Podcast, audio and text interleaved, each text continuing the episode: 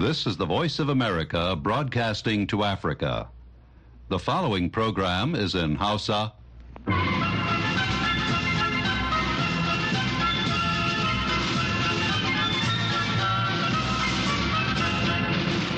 Sashen Hausa na murya Amurka ke magana daga nan birnin Washington DC. Masu sauraro Assalamu alaikum da fatan an waye gari lafiya. Hawa Sharif ce tare da Maryam Dauda da sauran abokan aiki. Nake farin cikin kasancewa da ku a cikin shirin na yau safiyar Juma'a 16 ga watan Fabrairun shekarar 2024. Kafin ku ji abubuwan da muke tafa da su ga Maryam da kanin labarai. To hawa wata kota a ƙasar Senegal ta yanke hukunci kan cewa ɗage zaɓen shugaban ƙasa da ya kamata a yi ranar 25 ga watan Fabrairun nan da gwamnatin ƙasar ta yi ya sabawa kundin tsarin mulkin ƙasar. A yayin da tsohon shugaban Amurka Donald Trump ke ƙara fitowa fili yana bayyana matsayarsa akan ƙungiyar tsaron NATO da kuma batun tallafin soja ga ƙasashen waje da ake kai. akwai barakar da ke tasowa sosai game da yadda shugabannin amurka biyu da jama'arsu ke kallon rawar da amurka ke takawa a ƙasashen duniya tun lokacin da aka kafa ƙungiyar kawancen neto a karan farko a wannan shekarar ƙasashen turai kawayen ƙungiyar za su yi amfani da kashi biyu cikin ɗari na jamlar kuɗin kayayyakin da ake samarwa a ƙasashen don fannin tsaro. Kanan labaran kenan. A yau za mu fara buɗe taskar rahotannin namu ne daga najeriya inda hukumar ƙididdiga ta ƙasa ta ce har yanzu fa farashin kayayyaki na ci gaba da hauhawa a najeriya.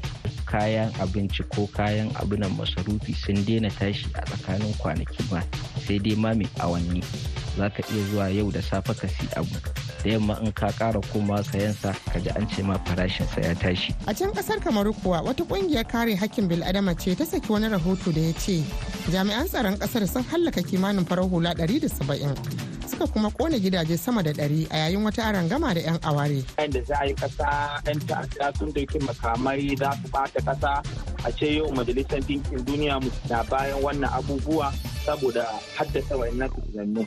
sai a biyo mu a cikin shirin domin jin karin bayani akan waɗannan da masu sauran rahotanni da ke tafi a cikin shirin kamar kowace safiyar juma'a yau ma muna tafi da shirin manuniya tare da dan mutan ikara isa lawal amma fa duk sai bayan an gyara zama an saurari kashin farko na labaran duniya. Jama'a Assalamu alaikum ga cikakkun labaran.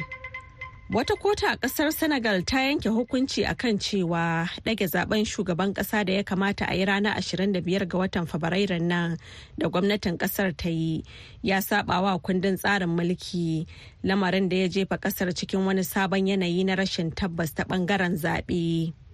A makon da ya wuce ne 'yan takarar shugaban kasa daga jam'iyyun adawa da wasu 'yan majalisar dokoki suka kalubalanci kudirin a kotu wanda ya jinkirta zaɓen zuwa watan Disamba ya kuma tsawaita wa'adin shugaba Macky Sall wani mataki da masu suka suka ce tamkar juyin mulki ne. Rikicin dai ya ƙara ruruta wutar tarzoma ya kuma sa ƙasashe nuna damuwa kan cewa ɗaya daga cikin ƙasashen da ke mulkin dimokuraɗiyya a yammacin afirka na fuskantar barazana. Ba a dai san abin da zai faru ba nan gaba. Sal wanda ba zai tsaya takara ba a zaɓen kuma ya kai ƙarshen wa'adinsa karo na biyu bisa ga kundin tsarin mulkin ƙasar ya ce an jinkirta zaɓen ne saboda takaddamar da ta taso kan jerin sunayen 'yan takara da kuma zargin cin hanci da rashawa a kotun tsarin mulkin ƙasar. A yayin da tsohon shugaban Amurka Donald Trump ke ƙara nanata kalaman da ya yi a baya na cewa idan aka zaɓe shi ba zai kare ƙasashe mambobin ƙungiyar tsaron neto da ba su sauke nauyin da ya rataya a wuyansu ba ta fannin kuɗi da kuma batun ƙudurin ba da tallafin soja don wasu ƙasashe da ya tsaya cak a majalisar dokokin Amurka. Akwai barakar da ke tasowa sosai game da yadda shugabannin Amurka biyu da jama'arsu ke kallon rawar da Amurka ke takawa a ƙasashen duniya. Biden wanda ya sanya batun ƙarfafa kawance don tunkarar abokan gaba a gaba-gaban manufofinsa na harkokin waje na neman karin haɗin gwiwar ƙasashe baki ɗaya. Shi kuma Trump wanda ta yiwu shine ɗan takarar shugaban ƙasa na jam'iyyar Republican yana sake nanata taken Amurka ce farko a muradansa. abin da ya janyo damuwa tsakanin ƙasashe abokan hulɗa Amurka a farkon shugabancinsa. Abin dubawa dai shine yadda washington za ta cika sharaɗin tsaro a ƙarƙashin sashe na biyar na yarjejeniyar ƙungiyar neto wanda ya buƙaci mambobin ƙungiyar su taimakawa juna idan wata ƙasa daga waje ta kai wa wata daga cikin hari. a wani jawabi da ya yi a lokacin wani taron yaƙin neman zaɓe a makon da ya gabata trump ya yi alfahari da cewa a lokacin da yake matsayin shugaban ƙasa ya taɓa gargaɗin wani shugaban ƙungiyar tsaron neto da cewa zai bar rasha ta yi duk abin da ta ga dama da ƙasashe mambobin ƙungiyar da suka kasa ba da kashi biyu cikin ɗari na jimlar kuɗin kayayyakin da suke samu a cikin gida don fannin tsaron ƙungiyar.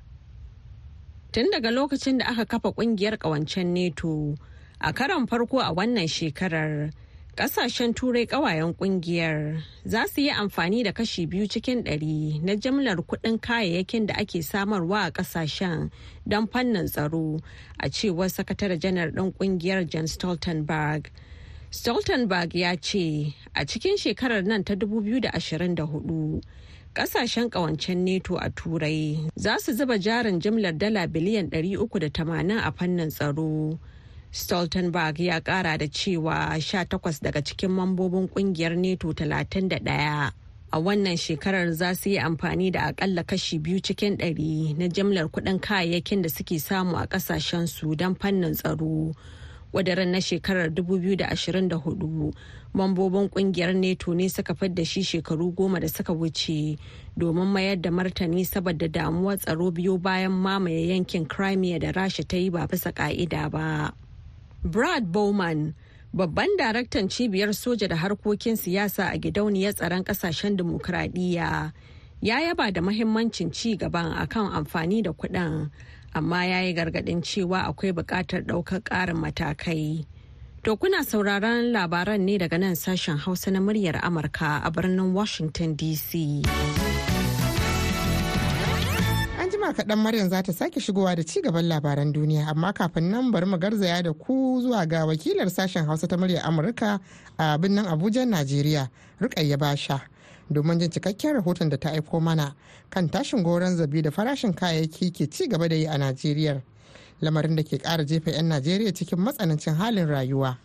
Farashin kaya a Najeriya ya ci gaba da tashi babu kakkautawa a farkon shekarar nan.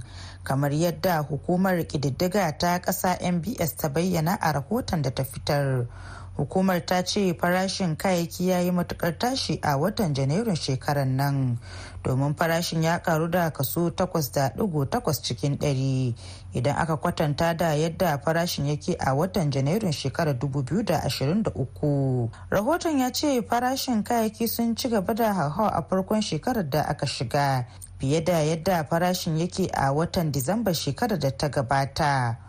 Hukumar mbs ta ce farashin kayayyakin abinci a najeriya ya matuƙar tashi a watan janairun da ta gabata inda farashin ya karu kuma ya kai kaso 35.41 cikin 100 bisa ma'auni wanda hakan ya nuna cewa farashin ya karu da kaso 11.10 cikin 100 idan aka kwatanta da yadda farashin yake a watan janairun shekarar 2023 inda farashin yake a matsayin kaso 24.32 cikin 100 farashin kayayyakin masarufi da sauran nau'ikan kayayyaki sun ci gaba da hauhawa a ƙasar biyu bayan cire tallafin man fetur da shugaba bola ahmad tinubu ya yi lokacin kama rantsuwar aiki. 'Yan najeriya dai na ci gaba da bayyana ra'ayoyinsu game da yadda rayuwar ke kara tsada a ƙasar mai magana buba mai goro gashuwa. To a gaskiya a ɓangare na kamar yadda muka shiga sabon shekarar nan ba mu shige ta da daɗi ba. Ba mu san zuwa gaban ba.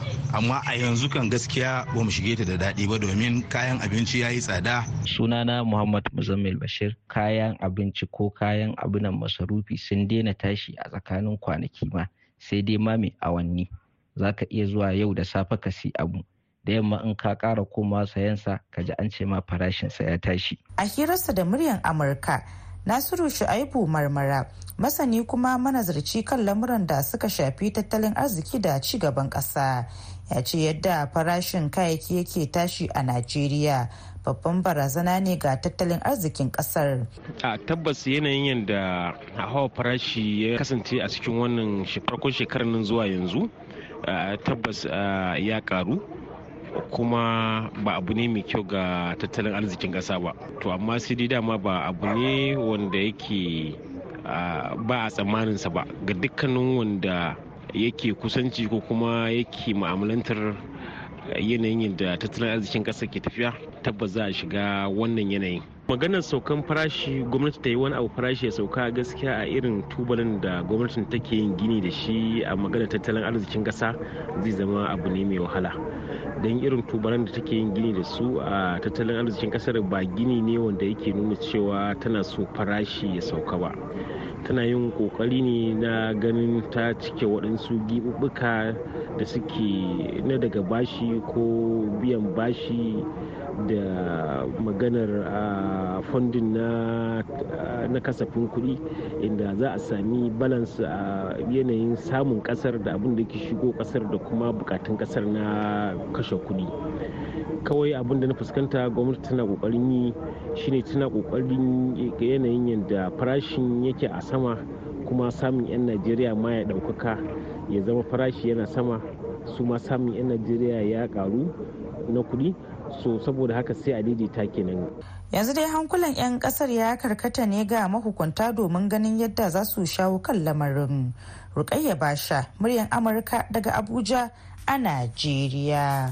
To madalla an da rukayya basha. Masu sauraro ana tare ne da sashen hausa na murya amurka a birnin washington dc kai tsaye ana kuma iya sauraron shirye-shiryenmu da suka gabata a shafukan na sadarwar facebook twitter da instagram. Yanzu ga maryam ta sake shigowa da ci gaban labaran duniya. Fadar White House ta ce za ta amince da sakamakon zaɓen shugaban ƙasar Indonesia wanda Prabowo Subianto ya yi ikirarin lashewa. Wato tsohon janar ɗan sojan ƙasar da aka yi ta cece kuce a kansa a baya. Wanda aka hana shigowa Amurka fiye da shekaru goma saboda zarge-zargen da ke da alaka da muzanta haƙoƙin bil'adama. Sakamakon ƙidayar kur'un farko daga cibiyoyin bincike da yawa sun nuna cewa Prabowo wanda kamar yawancin 'yan Indonesia ke amfani da sunansa na farko. Ya yi wa abokan hamayyarsa Anes Baswedan da Ganjar Pranowo Fintinkau inda ya samu fiye da kashi hamsin cikin ɗari na kuri'u wato adadin da ake buƙata don kaucewa zaɓe karo na biyu. A wata mai zuwa ne hukumar zaɓen ƙasar za ta fitar da sakamakon a hukumace, amma Prabowo ya yi kirarin cewa shi ya yi nasara inda ya faɗa wa dubban magoya bayansa a Jakarta babban birnin ƙasar cewa wannan ita ce nasarar dukkan 'yan Indonesia.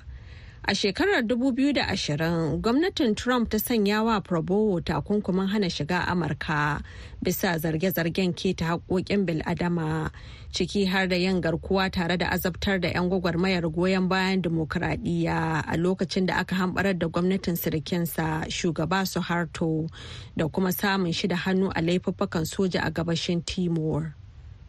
A jiya Alhamis ƙasar Venezuela ta umarci ofishin kare haƙoƙin bil'adama na Majalisar Ɗinkin Duniya da ke birnin Caracas da ya rufe ofishin da kuma dakatar da ayyukansa inda ta ce ma'aikatan ofishin su fice daga ƙasar cikin kwanaki uku. A yayin wani taron manema labarai ne ministan harkokin wajen ƙasar Ivan Hilpinto ya sanar da matakin. Yana mai cewa ofishin ya taka rawar da bata dace ba kuma ya zama wani kamfanin lauyoyi masu zaman kansu da masu yunkurin yin juyin mulki da 'yan ta'adda waɗanda ke kullawa ƙasar maƙarƙashiya. Hilpinto ya ƙara da cewa matakin zai ci gaba da aiki har sai ofishin ya fito fili ya gyara kurakuransa. Sanarwar dai na zuwa ne bayan da ofishin na kare haƙoƙin bil'adama ya caccaki matakin gwamnatin venezuela na tsara babban lauyan kare haƙoƙin bil'adama rocio san miguel lamarin da ya janyo damuwa a ciki da wajen ƙasar. labaran duniya aka saurara daga nan sashen hausa na murya amurka a birnin washington dc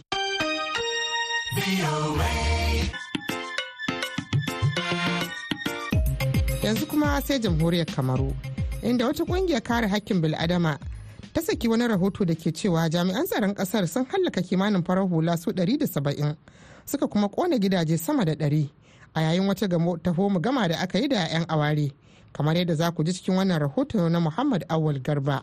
Rahotanni da ƙungiyar kwato hakkin bil'adama ta fitar na wannan watan sun ce jami'an tsaron ƙasar jamhuriyar kamaru sun halaka fararen hula har guda 170 sannan kuma sun cillawa gidajen al'umman da ba su je ba su gani ba wuta sama da guda 100 a cikin watanni shida da suka gabata an da ake artabu da 'yan awarin ƙasar ta jamhuriyar kamaru. Wannan ne yasa na tambayi alhaji dan asabe mai fada a jini a ɓangaren na 'yan aware shin ko wannan rahoto na da ƙanshin gaskiya kuwa? A to kai ma ka san majalisar ɗinkin duniya duk maganar da ta yi ta yi bincike sosai abin da ka shina ne. A duk inda aka zaga za ka ga cewa tana turo mutane kamar wato 'yan sandan ciki nata suna tura mata rahoto ana ji da hujja ana ji da hujja da wannan suke aiki za kowa ya tashi kawai ɗauke waya ko kuma a yi musu wani abin ko intanet a tura musu abin na ce musu a ga shi abin da ya faru su ɗauka su aiki da shi ba a da wuya kuma abin da kuma shi na a to da yanzu kan gaskiya zama a wannan ɓangaren ba kowa fa ba kamar abin nan ba. Saboda haka abu ta tabarbare fiye da inda aka tuna fiye da inda aka tuna domin kowa ya tashi sa kafan shi a wannan wurin din to baya da tabbas cewa zai dawo. To menene abin yanzu? Yanzu kam in ba dai an zauna an tattauna ba ɓangaren gwamnati da su mutane masu mu masu magana da yaren ingilishin din da kuma wani da kuma wani third party wa muke nufi da third party majalisar ɗinkin duniya da ita kaɗai ce yanzu muke gani wanda za ta iya tsayawa ta yi wani abu. Mr. Jibo mai bawa ministan tsaro shawara ne akan matsalar na 'yan awarin ƙasar ta jamhuriyar Kamaru shi kan ya ce rahoton akwai lauje cikin naɗi.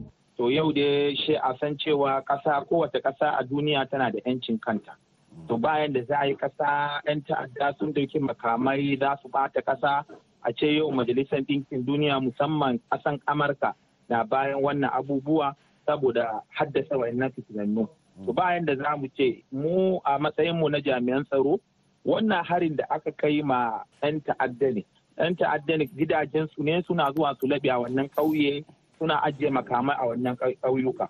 To kaga cewa wannan harin da aka kai wato musamman ma labari aka kawo mana 'yan cikin gida wato wanda muke aiki da su suka ba da labari. Kuma shan da aka zo aka yi bincike aka tawar cewa eh hakan ne. Gidaje ne da suke zuwa ƙauye suna ajiye makamansu kuma su ma suna zuwa ɓoyuwa suka fito daga daji. To shi sa aka kona wa'annan gidajen. To ka san cewa su majalisar dinkin duniya a koyan da suke so a tafiyar da al'amarin in to mu kuma a ƙasar kamaru ba za mu yadda cewa duk wani abin da zai kawo fitina ce za a raba ƙasar kamaru ba za mu yarda da ita. Kasar jamhuriyar kamaru dai tana cikin tsaka mai wuya a wannan lokaci ta ɓangaren jihar arewa mai nisa. Maharan boko haram suna addaban al'umma sai kuma ɓangaren jihar adamawan ƙasar ta jamhuriyar kamaru. Masu garkuwa ne suke cin kasuwarsu. Haka ta ɓangaren gabashin ƙasar kuma an da ta yi iyaka da ƙasar afirka ta tsakiya. Mayakan makwabtan ne suke ta hada-hada su mahama awal garba muryar amurka da ƙasar kamaru. To madalla. Masu sauraro kada dai a shagala ana sauraron shirin ne daga nan birnin Washington DC. Yanzu lokaci ne da za a gyara zama a saurari shirinmu na gaba. Manuniya.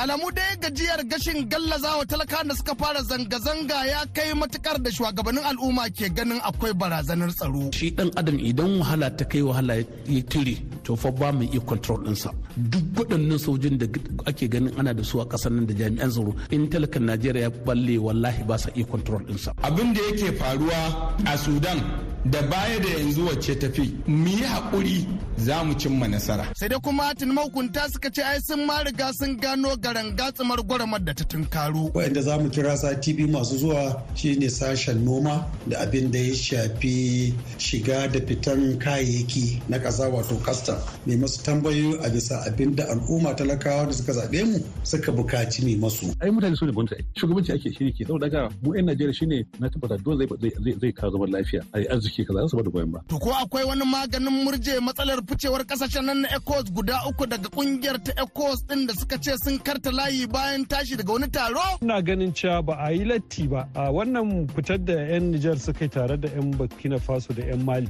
Kuma idan za a gyara a dawo da su amma dai ya zama ba takunkumi to ina ganin za su sassauci akan wannan abin. Waɗannan ba so mun taɓa muka tattaɓo cikin tarin muryoyin da za ku za cikin wannan shiri na manuniya.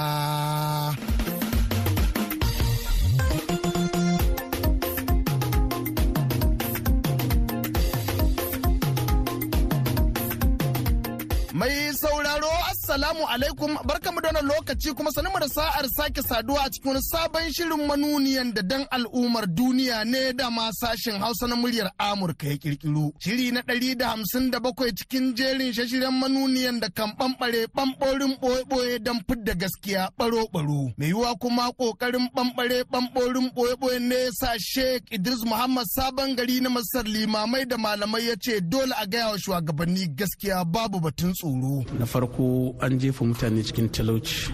Domin jefa su aka yi ba Allah ya samu a cikin talauci ba. Allah bai samu da talauci a ƙasa ba. Wasu 'yan tsauraran mutane suka jefa mutane a cikin talauci. To babban bala'in ma shine hauhawar farashin abubuwa. Kusan kullum abin karo yake.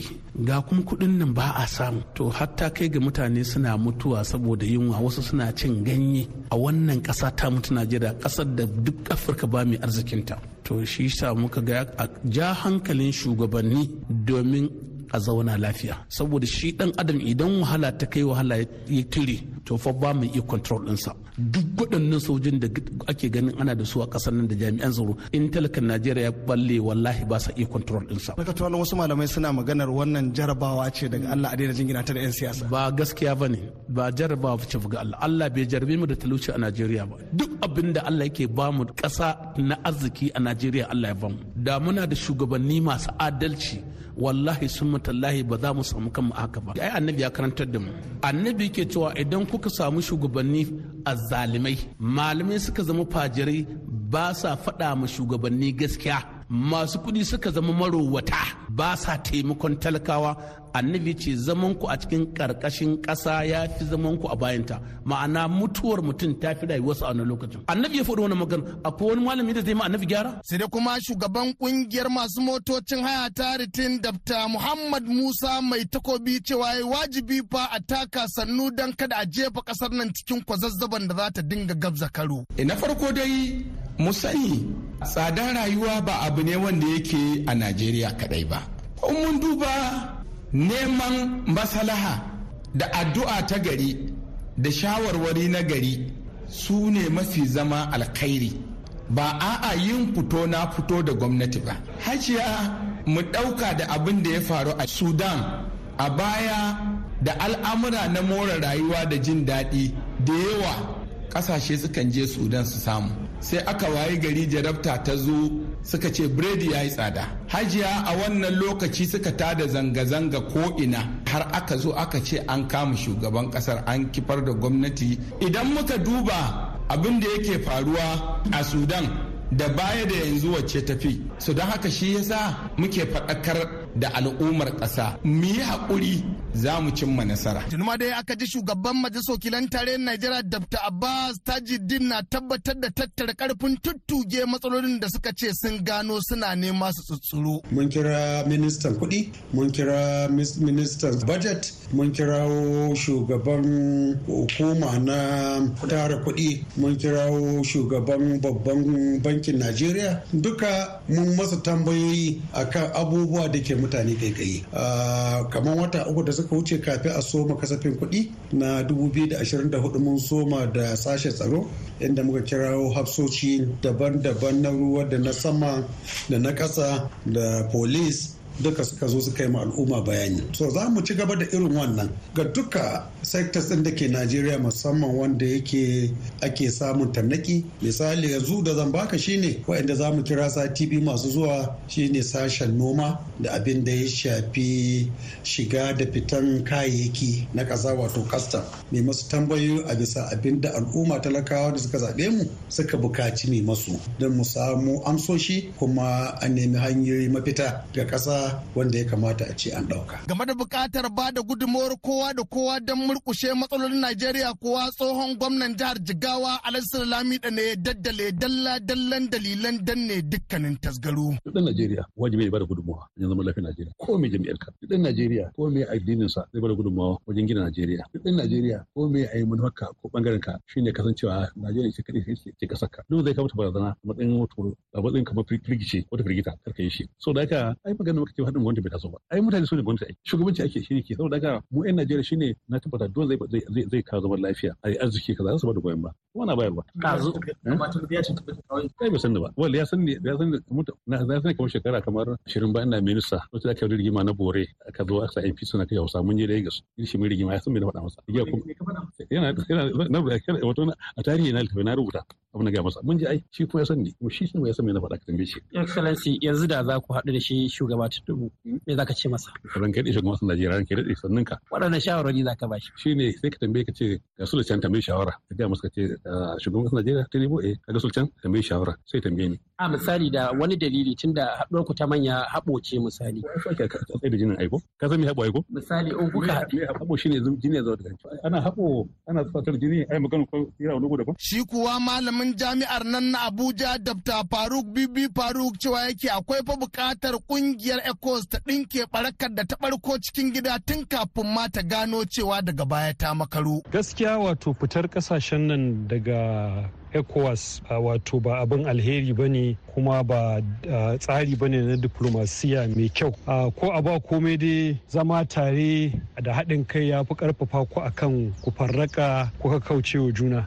To musamman najeriya wannan abu da ya faru ba abin alheri ba ne gare ta. Wato kama kishi ne na cikin gida sai ki ga wato ya fi zafi akan kishi tsakanin wanda suke da nesa da juna. Kuma ina ganin cewa ba a yi latti ba. A wannan fitar da 'yan nijar suka yi tare da 'yan burkina faso da 'yan mali. A gaskiya babban dalilin su shine takunkumin da aka dora musu. Ba wai dan an ce su daina zuwa taron ecowas ba ne. A'a takunkumi ne da aka dora musu na tsana wajen su ko suke ganin cewa dan ƙasashen faransa da amurka sun kiyarda da wannan wato juyin juya hali da suka yi da juyin mulki da suka yi. Su ma ba su ji daɗi abin ba sun dora musu irin nasu takunkumin shi yasa yan uwansu yan ecowas su ma suka yi musu takunkumi kuma idan za a gyara a dawo da su amma dai ya zama ba takunkumi amma dakatattu ne to ina ganin za su sassauci akan wannan abin za kuma su dawo a ci gaba da zama lafiya.